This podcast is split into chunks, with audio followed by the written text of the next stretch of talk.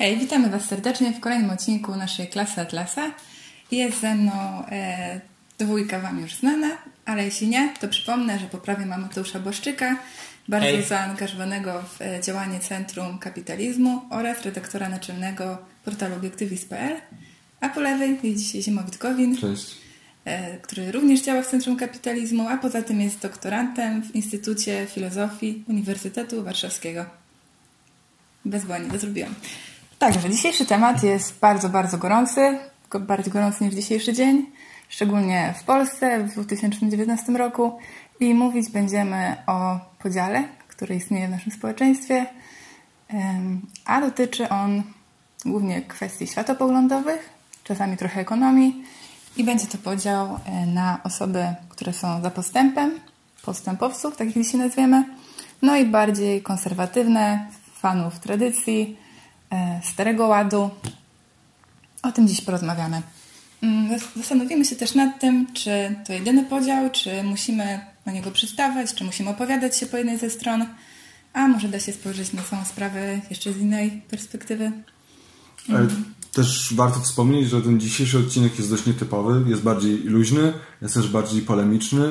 To nie, nie jest tak, że tak jak w poprzednich podcastach Wam tłumaczyliśmy pewne rzeczy i generalnie z którymi my się wszyscy zgadzamy, tylko tutaj po prostu będziemy sobie pozwalali na, e, no właśnie na polemikę między, między samymi sobą, tak? Więc spodziewajcie się wiele dygresji, sporów, chwil zastanowienia i tak dalej, bo tak jak do tej pory, uwaga, uwaga, we wszystkich podcastach przekazywaliśmy Wam prawdę objawioną, no oczywiście żartuję, ale przekazywaliśmy Wam Prawdę. pewne prawdę, Prawda. pewne koncepcje filozoficzne, które my uznajemy za prawdziwe, tak teraz po prostu podejmujemy pewien dość gorący, dość żywo występujący w naszym społeczeństwie, tak jak to Gosia powiedziała, temat i będziemy na jego temat luźno rozmawiać. Więc y, to może ja sobie pozwolę zabrać głos pierwszy, zacząć. Tak, najpierw musimy zdefiniować pokrótce, o czym w ogóle będziemy rozmawiać. E, Mateusz więcej opowie Wam o tej stronie konserwatywnej, ale niech Was to nie zwiedzie. To nie znaczy, że będzie je bronił, po prostu e, dla ułatwienia trochę tak się podzielimy. Także Mateusz, jakbyś w skrócie e, scharakteryzował konserwatystów na dzień dzisiejszy w Polsce, jakich wartości oni chcą bronić i w jaki sposób? Albo może w ogóle czym jest konserwatyzm? Tak bardziej szerzej. Okej. Okej, y, nie Już ma... jest, już jest polemika. Nie ma na to jednej odpowiedzi.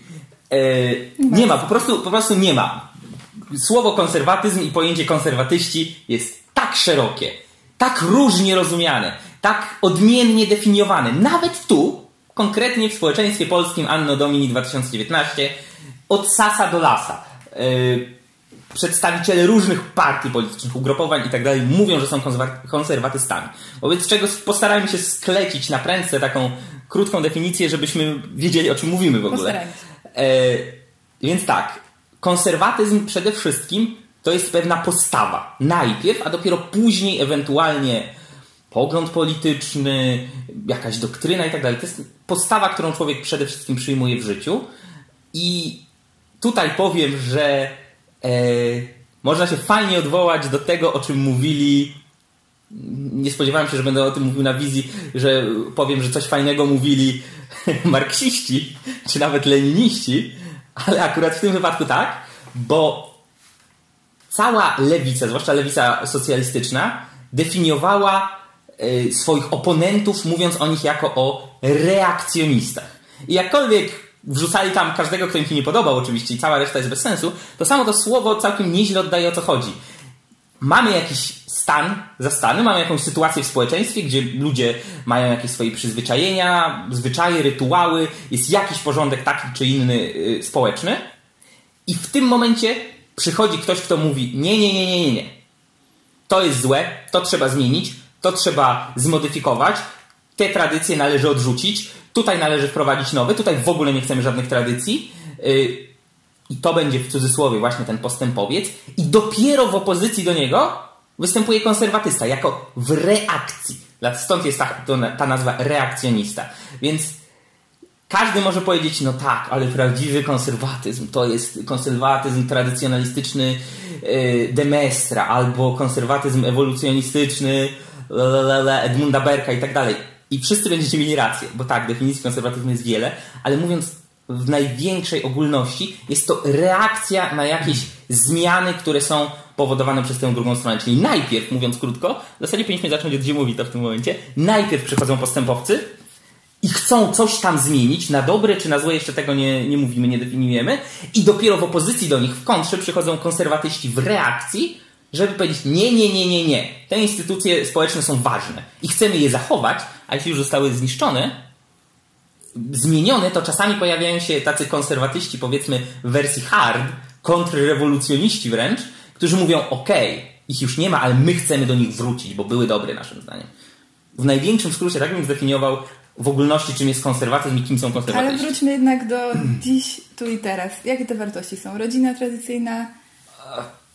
Jak to widzisz? Co to znaczy rodzina tradycyjna? No, jest, to jest problem. To jest problem, bo na przykład powiem tak. E, Konserwatyści są przywiązani do tradycji Kościoła katolickiego. I. I nadal znajdzie się w Polsce masa osób, które uważają się za konserwatystów i są zdeklarowanymi antyklerykałami. To nie jest, nie, nie tędy droga.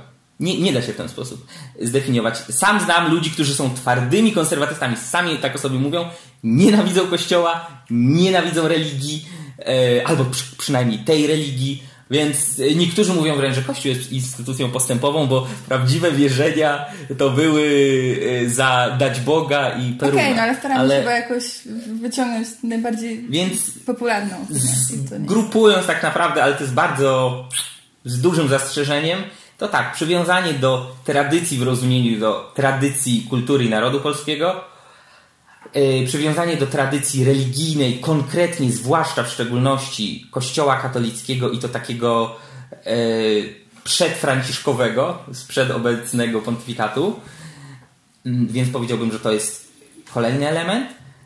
Yy, postawienie na wartości rodzinne, zwłaszcza na tradycyjną rodzinę, ojciec, matka, kilkoro dzieci i ciąg jedności między pokoleniami, to byłby, myślę, kolejny element. Niechęć do nowinkarstwa, zwłaszcza nowinkarstwa w kwestiach społecznych, czyli e, przeróżnych właśnie e, pomysłów, na przykład, że nie wiem, nie ma jednej płci społecznej, tylko jest ich ileś i tak dalej, więc jest to taka naturalna, wręcz odruchowa dla konserwatystów niechęć do tego typu pomysłów. O zagrożeniach będziemy mówić dalej, także na razie tyle. czego chcą bronić. Powiedziałbyś, że tyle. Myśl, myślę, że to, to znaczy, to, jasne, że jest cała masa innych e, rzeczy, ale z grubsza to. Z grubsza to, nawet kwestia tego, co zazwyczaj, czego zazwyczaj bronią konserwatyści w wielu krajach, u nas nie jest taka jasna, czyli instytucji. Tak? Bo duża część ludzi, którzy uważają się za konserwatystów, mówią, na przykład sądownictwo polskie jest przeżarte do szpiku. Trzeba je zmienić. I to jest rewolucjonizm w zasadzie, bo oni chcą nagłej, radykalnej, zdecydowanej zmiany. Czy to jest postawa konserwatywna? Nie wiem, natomiast wiele osób, które sami e, o siebie mówią jako o konserwatystach, tak myślą. I tak samo myślą o całym państwie, więc nawet tutaj bym uważał e, z takimi instytucjami jak, jak sądownictwo, czy różne inne instytucje państwowe, czy oni chcą jej bronić. Raczej nie. Nie w Polsce. A jak po drugiej stronie to wygląda? Po jakiej drugiej stronie? W tej naszym podziale bardzo uproszczonym. Znaczy, przede wszystkim chciałem też powiedzieć, tak dodając w jednym zdaniu do tej próby zdefiniowania, czy bardziej opisu przez Mateusza tego, czym jest konserwatyzm, chciałem dodać, że przede wszystkim to jest pojęcie relatywne, to znaczy w zależności od kultury różne wartości będą uznawane przez konserwatystów, więc konserwatysta niemiecki będzie inny od polskiego, inny od y, hinduskiego, inny od Amerykańskiego. amerykańskiego, tak, i tak dalej. E, Więc przede wszystkim powiedzieć, że jest się konserwatystą, to nic nie powiedzieć. Ja też zresztą uważam, że to pojęcie nie, może nie, że powinniśmy się go pozbyć, ale na pewno nie pomaga nam w prowadzeniu takiego racjonalnego dyskursu, ponieważ jest taką, to jest takie pojęcie, tak jak powiedziałeś, tak obszerne, że po prostu wiele i też budzi tyle skojarzeń. Właśnie z jednej strony ktoś uważa się za konserwatystę, a nie lubi kościoła, no ale jak ktoś w Polsce powie, że jest konserwatystą, to się kojarzy z osobą, która lubi kościół i tak dalej, i tak dalej. Więc tak naprawdę mętność tego pojęcia i fakt, że ono niejako ze swojej istoty jest relatywne, Tak. właśnie ze względu Ono na to, że kontekstowe i bardzo, bardzo sytuacyjne. tak, to właśnie z tego powodu uważam, że no niekoniecznie pomaga właśnie nam to w, w jakimś takim dialogu. E, Nie wiem, czy są dwie strony. Uważam, że stron jest więcej. też podział lewica-prawica, o którym moglibyśmy mówić trzy godziny albo i trzy dni. Niewiele wypowiedzi z tego wyniku. Tak. E, też uważam, że jest podziałem, który jest bardzo takim podziałem na wyrost. E, natomiast, no właśnie nie wiem, czym by miała być ta druga strona, czyli ta strona niekonserwatywna. E, czyli z jednej strony byliby to co? Zwolennicy, nie wiem, aborcji, przeciwnicy kościoła, zwolennicy państwa bardziej opiekuńczego. Z drugiej strony są konserwatyści pisowcy, którzy jak najbardziej też są zwolennikami państwa opiekuńczego, wysokich podatków, socjalu i tak dalej. No mamy też oczywiście różne ruchy, które jakby nie kojarzą się z lewicą, ale nie są konserwatywne, różnych libertarian, czy być może różnych na przykład jakichś neopogan, którzy no, są przeciwnikami tradycji w rozumieniu tej tradycji polskiej katolickiej. Oni, oni oczywiście by powiedzieli, że to nie jest tradycja polska, no ale wiemy, że to jest bzdura e, w dużej mierze. Więc szczerze mówiąc, nie wiem, jakbym miał taki właściwie postępowców i jakbym miał e, zdefiniować. Też wydaje mi się, że te, też jest to kontekstowe, też jest to relatywne. No bo czym innym będzie postępowiec nie wiem, w Chinach czym innym będzie postępowiec u nas. A czym innym w krajach arabskich. Dlatego tak. właśnie na początku wprowadziliśmy ten kontekst, nie? że jesteśmy tu i teraz w Polsce. Mam wrażenie, że strasznie uciekacie od tego podziału, ale jednak on się powtarza. Mam wrażenie, że co miesiąc pod postacią nowych tematów takich e, nagłówkowych jednak jest ten podział, tak? Aborcja za przeciw, teraz małżeństwo LGBT za mm -hmm. przeciw, e, nauczanie w szkołach, czy ma być edukacja seksualna za przeciw, religię w szkołach, jednak e, faktycznie osoby poszczególne mogą przeskakiwać e, w zależności od tematu, ale jednak mm, nie uciekałabym od tego, że nasze społeczeństwo jest podzielone. Tylko, że ja bym uciekał od tego, że jest podzielone na dwie grupy. Okay. Znaczy, ja uważam, że to jest zła przesłanka. Wychodzimy ze złej przesłanki i nie dojdziemy e, za jej pośrednictwem do dobrych wniosków. Nie chcę rozmawiać na temat bieżącej polityki, tak per se, natomiast no, skoro idziesz w tym kierunku, w porządku. No to weźmy jeden konkretny przykład. Um, partia, przepraszam, nie partia, tylko ugrupowanie Cookies 15. Przykład z pierwszych brzegu. Jakie ono jest? Ono nie jest konserwatywne. Ono nie jest też postępowe. Ono jest żadne. On jest od sasa do lasa i dlatego w tej chwili połączyło się z największymi zwolennikami tradycji i postępu, bo dokładnie to, dosłownie to było ich hasło w poprzednich albo dwa wybory temu, yy, z PSL czy ZSL-u raczej. Więc jeśli spojrzymy na takie zjawisko, chcę w tej chwili po prostu zanalizować, nie, nie mówię, że jest fajne czy nie fajne i tak dalej, bo nie o to chodzi. Jak Kukiz 15, to widzimy, że ten podział jednak jest problematyczny na dwie strony. No, ktoś mógłby odpowiedzieć, że z faktu, że w danej partii nie ma, nie ma jednego nie ma konsensusu co do jakiejkolwiek kwestii, nie wynika, że nie ma tego podziału przy poszczególnych kwestiach. Faktycznie kwestia aborcji jest, no ona wraca tak co miesiąc, czy nawet y, częściej i jest dość głośna. E, no, no i, dobra, no to druga Ale co dalej? Jakby załóżmy, załóżmy Gosiu, że uznajemy, okej, okay, są powiedzmy dwie tendencje, tak to nazwijmy. Tendencje, dokładnie. Jest tendencja konserwatywna, jest tendencja mniej konserwatywna, czy to nazwijmy postępowa. I co dalej? Jeżeli jak uznamy istnienie tej, tych dwóch różnych tendencji, bo słowo dychotomia byłoby tu za mocne, mamy te dwie tendencje, co dalej? Co dalej? No, trochę mi zepsułeś koncepcję, przyznam, ale co dalej? W takim razie y, pytanie, Jestem czy na przykład, strasznie, strasznie w ogóle rewolucja zapanowała. Y, w każdym razie... Widać po kolczykach, nie? Pytanie, czy, czy istnieje coś takiego jak wybór mniejszego zła? Czy skoro czasem musimy jednak wybrać, po jakiej stronie się opowiedzieć. Jak tu się zachować? Czy zawsze. W kontekście stać... wyborów politycznych? Zacytuję, ja sobie pozwolę zacytować pisarza, którego niezbyt lubię i niezbyt szanuję, ale ma fajne bonmoty. Parafrazuję, przepraszam, nie pamiętam, czy to było dokładnie tak. E, jeśli musisz, jeśli będę musiał wybrać pomiędzy jednym złem a drugim, to nie wybiorę wcale. Geralt z Rivi, Andrzej Sapkowski. E, więc myślę, że nie, jasne, że to nie jest postawa, która jest możliwa zawsze, bo czasami dysproporcja pomiędzy jednym złem a drugim jest tak oczywista i tak rażąca, że ktoś, kto nie poprze tej stronie, powiedzmy w cudzysłowie, mniej złej, dlatego że w ogóle brzydzi sobie, powiedzmy, ubrudzić ręce yy, i dołoży się do zwycięstwa tej strony drugiej, no to wtedy faktycznie ciężko powiedzieć, że umycie rąk jest dobrym yy, zjawiskiem. Natomiast kiedy te strony są tak samo brudne, tak samo paskudne, nie widać między nimi w zasadzie jakichś większych, fundamentalnych różnic yy, ideowych, światopoglądowych, jakichkolwiek innych, to myślę, że odmowa grania na ich regułach, odmowa grania w ich grę, zwłaszcza jeśli to dotyczy polityki sensu stricto, odmowa grania w ich brudną grę, że yy, wybierz dumę albo cholerę, jest jak najbardziej rozsądną i zasadną postawą. I w tym momencie, wracając do tego, o czym mówiliśmy w poprzednich podcastach, co jest waszym celem?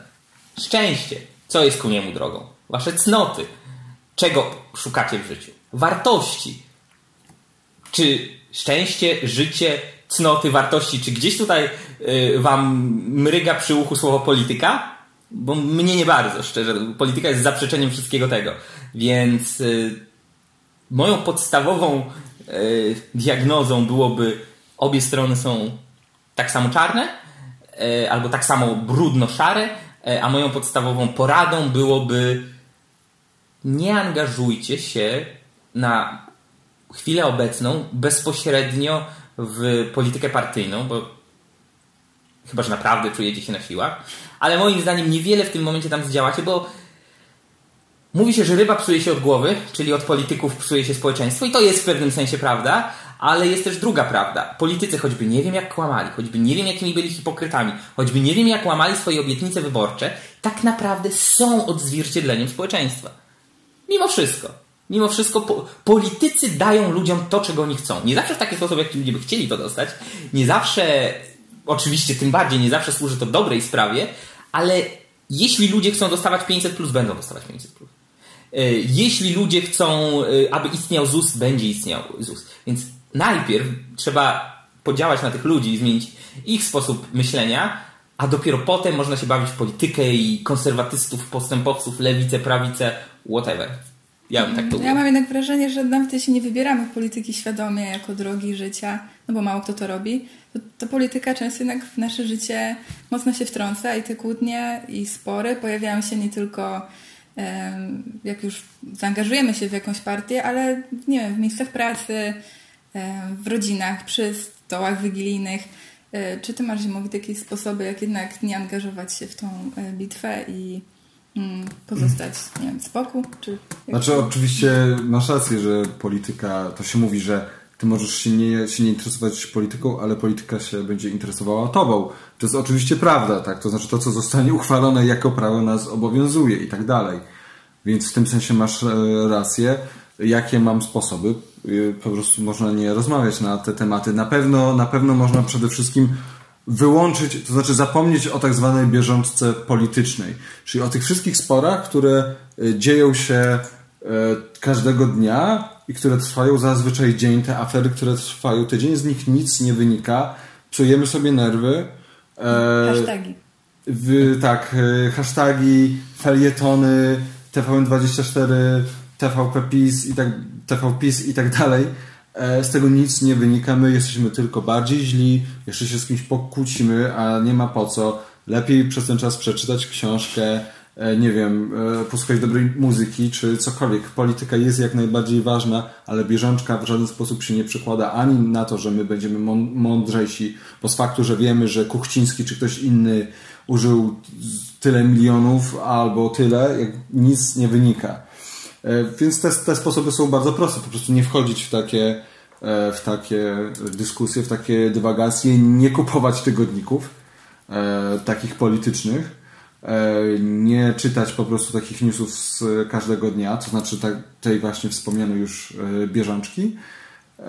I tak, zgadzam się z Mateuszem, nie angażować się w politykę partyjną, uważam, że jak najbardziej trzeba przede wszystkim zmienić moralność ludzi. To znaczy, póki ludzie nie, nie, nie zrozumieją, że ich celem jest ich własne szczęście e, i to szczęście wiedzie poprzez przede wszystkim wolność, no to ludzie dalej będą po prostu wybierali partie, które, które tą wolność chcą nam odebrać i czynnie odbierają. tak jakby partie, partie e, rządzące. Ja bym w jednym miejscu się tutaj nie zgodził albo popolemizował. Generalnie Ziemowicz całkiem słusznie mówił, natomiast co do tego zupełnego niezainteresowania bieżączką polityczną, nieczytania tygodników itd., tak itd. Tak to jest pewien sposób, ale nie wiem, czy najlepszy. Najlepiej jest, bo mimo wszystko wiedza jest cenna. Nawet wiedza na temat drobnych rzeczy, które się w tej chwili dzieją, a które mogą mieć wpływ na nasze życie jutro, pojutrze, za miesiąc. W tym y, względzie zgadzam się z Gosią, że to ma znaczenie, bo bezpośrednio nas wpływa i lepiej wiedzieć, zawsze lepiej wiedzieć, zawsze lepiej wiedzieć, no ja czy będą nowe... to była, Nie, to no, była no rozumiem, hiperbola. Czy będą nowe podatki I tak mamy Facebooka, prawo, i tak, i tak do nas dalej. dojdzie, że Kuchciński coś tam zrobił. Więc moja, moja propozycja jest taka, czytać, dowiadywać się, wiedzieć jak najwięcej, ale nie angażować się w to emocjonalnie, starać się. Jasne, jeśli jest oburzająca informacja, to człowiek się oburzy, ale tyle. Chwila oburzenia i idziemy dalej. Mamy cały dzień do przeżycia, mamy całe życie do przeżycia, więc y, to nie może być leitmotywem naszego życia, że o Boże, politycy robią to, politycy robią tamto. Pod tym względem jest, są takie dwa fajne, kontrastujące y, pojęcia, y, które dobrze widać też moim zdaniem w Polsce że ktoś jest rozpolitykowany albo że ktoś jest upolityczniony. Rozpolitykowany człowiek to jest ten, co sobie czyta, dyskutuje, zastanawia się, patrzy, o, co oni zrobili, y, taka ustawa, inna, idzie z kolegą i bez gniewu i stronniczości, bez Cine i Red Studio, bez jakiegoś strasznego tutaj guli przy gardle jest w stanie porozmawiać, ale jemu to jakąś tam sprawia satysfakcję, ale to jest drobny element jego życia. Natomiast człowiek upo, upolityczniony, i moim zdaniem ich jest w Polsce bardzo wielu, uważa, że bez polityki to słońce nie wstaje na wschodzie, a nie zachodzi na zachodzie, jeśli rozumiecie o co mi chodzi. Po prostu polityka jest wszystkim, jest wszechogarniająca. Od niej zależy wszystko, każdy jego dzień. Jeśli coś mu się w życiu nie powiedzie, to ten wstrętny kaczor, to ten wstrętny Tusk. Nie, jeśli coś się w życiu nie powiedzie, tak, Polityka mogła mieć na to, ta, polityka mogła mieć na to wpływ, jasne, bo mogli, nie wiem, uchwalić prawo, które doprowadzi do bankructwa twoją firmę. Pewnie i to jest wina tego prawa, nie twoja, jeśli faktycznie to zawiniło. Ale mówienie, że każda nasza życiowa porażka jest wynikiem polityki, albo że wszystko, co się dzieje dobrego w y, kraju, że na przykład akurat jest y, w danym momencie y, pozytywny bilans gospodarczy, y, że to jest zasługa tylko polityków, jest absurdem. Jasne, ja bym też pogdybała jeszcze e, na koniec odnośnie przyszłości, bo tak gdybym miała emocjonalnie to oceniać, wydaje mi się, że jednak ten podział, którego nie lubicie i to emocjonalne nastawienie jednej strony na drugą i, no i odbieranie właśnie tego, co się wydarzy w polityce jako najważniejsze, się pogłębia i w Polsce i na świecie. I tu byłam pesymistką, aczkolwiek dzisiaj rano trafiłam na badania najnowsze odnośnie tego, jak, e, jakie tematy interesują Polaków w kontekście najbliższych wyborów.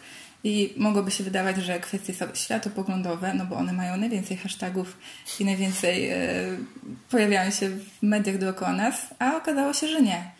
Top 3 to było, z tego co pamiętam, zalinkujemy na pewno w opisie, kwestia podwyżki cen, inflacji, poza tym e, kwestia klimatyczna, to było miłe zaskoczenie dla mnie, a trzecia rzecz, e, służba zdrowia i to, jak wygląda jest tam. Tak, także, także takie rzeczy które można by, myślę, rozwiązać na spokojnie, bez tych wszystkich awantur.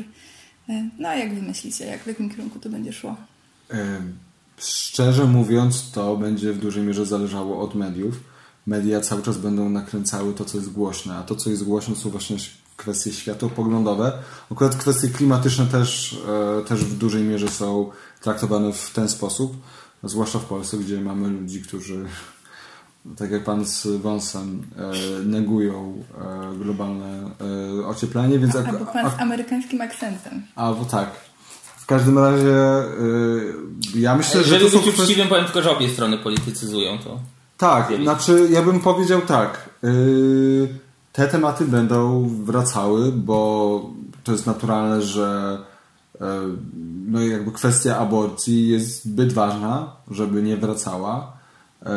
I ostatecznie sądzę, że społeczeństwo polskie dojrzeje do, do, do, tutaj do, do zmian. Czy dojrzeje, mam na myśli, że to pójdzie w którąś ze stron. To znaczy, mam na myśli to, że ten tak zwany kompromis e, aborcyjny zostanie złamany w jedną lub w drugą stronę. Myślę, że raczej w stronę progresywną, e, pod stronę e, postępowców. Jeżeli chodzi o kwestię związków homoseksualnych, to jestem pewien, że to jest kwestia kilkunastu lat max, żeby zostały wprowadzone. Myślę, że polskie społeczeństwo będzie coraz bardziej postępowe, ponieważ takie są ogólnie tendencje z tego, co widzę na zachodzie. Mateusz, możesz się nie zgadzać oczywiście. No nie zgadzam się, y, zwłaszcza z tym, że widzimy w ostatnich latach coś, co się nazywa taką kon- konserwatywną rewolucją. E, konserwatywną, znowu, jeśli jest jakiś tam konserwatysta, który mi powie, to nie są żadni konserwatyści. Tak, nie są, pewnie, ale w potocznym rozumieniu są. Mamy Donalda Trumpa, mamy Viktora Orbana, e, mamy e, Turcja, jak się nazywało, mój Boże. Ale nawet tak na gruncie i- filozofii, idei, Peterson też raczej jako konserwatysta. tu- jest kontra. Była długi, długi marsz przez kulturę, ideę, instytucje tej strony, nazwijmy to sobie progresywnej i pojawiła się kontra z drugiej strony. Ale teraz tak, czy Jordan Peterson jest konserwatystą? Nie. No nie, moja, moja krótka odpowiedź będzie nie, nie jest. Nie Ale ma... będzie o tym cały odcinek chyba. Będziemy mówić o Jordanie Petersonie i o paru innych e, myślicielach. Też przedstawimy jego nieopublikowane wypowiedzi. tak, możecie na to czekać, bo będzie to mega ciekawe, co Jordan Peterson ma do powiedzenia na temat zimowitego wina.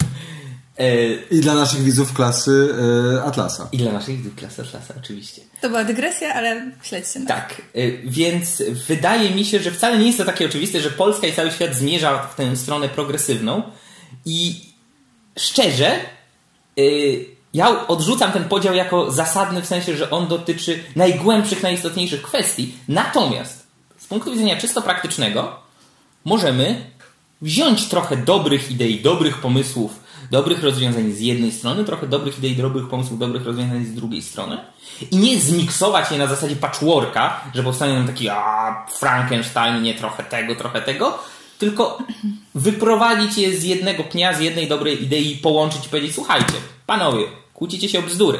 W tym wy macie rację, w tym wy macie rację, a tak naprawdę jest tak, jak mówimy my. I bądźcie tymi nami. W największym skrócie. Czyli jesteśmy optymistami, powiedziałabym. Taki z tego wniosek. Jestem ciekawa, co wy myślicie o przyszłości. Czy też dostrzegacie ten wyraźny podział? Czy może go nie ma i tylko mi tak się wydaje? E, No i jak będzie to wyglądało w najbliższych latach? Bardzo jesteśmy ciekawi waszych komentarzy. Możecie to robić na YouTubie albo na Facebooku. Możecie nas zalajkować, zasubskrybować kanał. Co jeszcze możecie zrobić? I oglądać nas. Wkrótce Instagram. Wkrótce będzie Instagram. Tak, zachęcamy do śledzenia. Także będziemy mieli własne hasztagi i mam nadzieję, że one zmienią świat na lepsze. Wielkie Dzięki dzięki. wielkie. Do usłyszenia. Trzymajcie się. Hej.